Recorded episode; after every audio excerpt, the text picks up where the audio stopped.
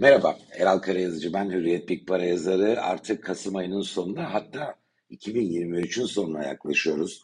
Ee, Kasım ayında geride bıraktığımız 3 haftada varlık piyasalarında güçlü pozitif bir seyirle karşılaştık. Aslında başlangıç Ekim son hafta, geride bıraktığımız 4 hafta bu anlamda olumlu geçti. İkisi güçlü, pozitif. İkisi ılımlı pozitif ama alt alta topladığımızda varlık fiyatlarında kuvvetli artışlarla karşılaştık. Tabii bunun temelini önceki 3 ay çok kuvvetli düşüş olması yarattı. Temmuz sonundan Ekim sonuna. Borsa endekslerinde biz %16'lık düşüş görmüştük. E, geride bıraktığımız bölüm Kasım ayı özelinde bakalım biz e, geride kalan 3 haftaya %9 ortalama endeksler yukarı gitti ve o kaybın üçte ikisi geri alınmış oldu. Bunun en önemli nedeni tahvil faizlerindeki gerileme. Uzun vadeli başta Amerika, e, gelişmiş ülke tahvil faizleri 50 bas puan aşağı geldi. 30 yıl vadeli Amerikan tahvili buna liderlik etti. 5.09'dan 4.62'ye geriledi. Tabi bunun iz düşümüyle sadece yükselen borsa endeksleri olmadı. Tahvil fiyatları da arttı en e, büyük e, Amerikan tahvil ETF'i TLT'de biz Kasım ayında %7.4'lük bir yükselişi gördük. Değerli metaller ilginç bir performans ortaya koydular. Çünkü Ekim ayında altın ve gümüş tahvil faizlerindeki artışa rağmen düşmemiş. Hatta ılımlı da olsa yukarı gitmişti. Bunu Orta Doğu'daki belirsizlik, e, çatışma besledi. Fakat Kasım ayında önce tahvil faizlerindeki düşüşe duyarsız kalsalar da devamında geride kalan iki haftada altın ve gümüşte de belirgin yükselişler gördük.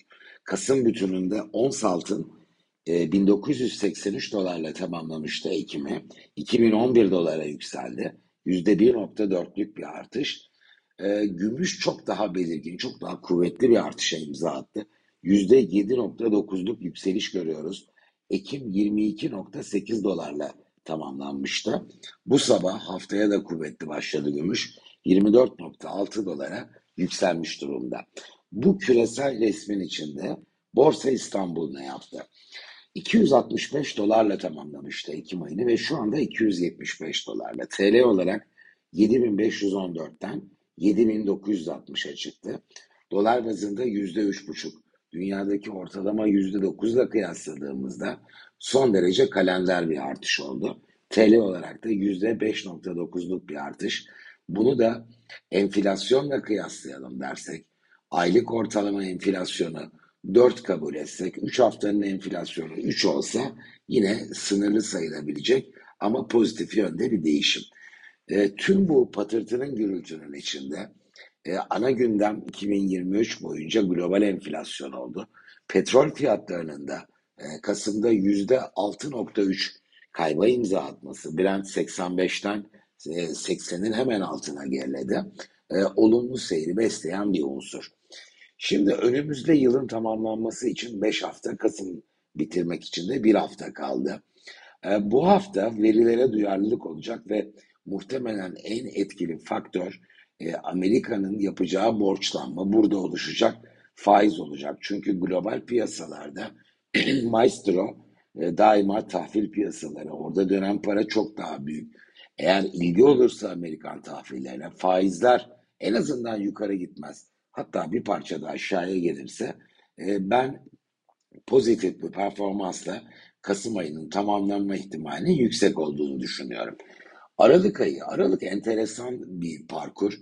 Aslında ikinci yarısı zaten Noel etkisiyle önce düşük hacim sonra tatiller yok hükmünde. Ee, ilk yarısında da çok büyük değişiklikler olmuyor. Geride kalan 10 yılın istatistiklerine baktığımda ne büyük düşüşler ne güçlü yükselişler olmuş Aralık ayında. Ee, ben bu yılda e, bu geleneğin yinelenme ihtimalini yüksek buluyorum. Daha sakin bir ton ama olumlu halin korunduğu bir yıl kapanışı e, daha muhtemel. Ocak ilginç. Ocak ayı genelde güçlü hareketlere sahne oluyor ve ağırlıkla da bu pozitif oluyor.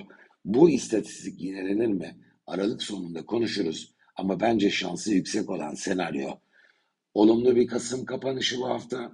Sakin ama ılımlı pozitif bir Aralık e, ve güçlü pozitif bir Ocak.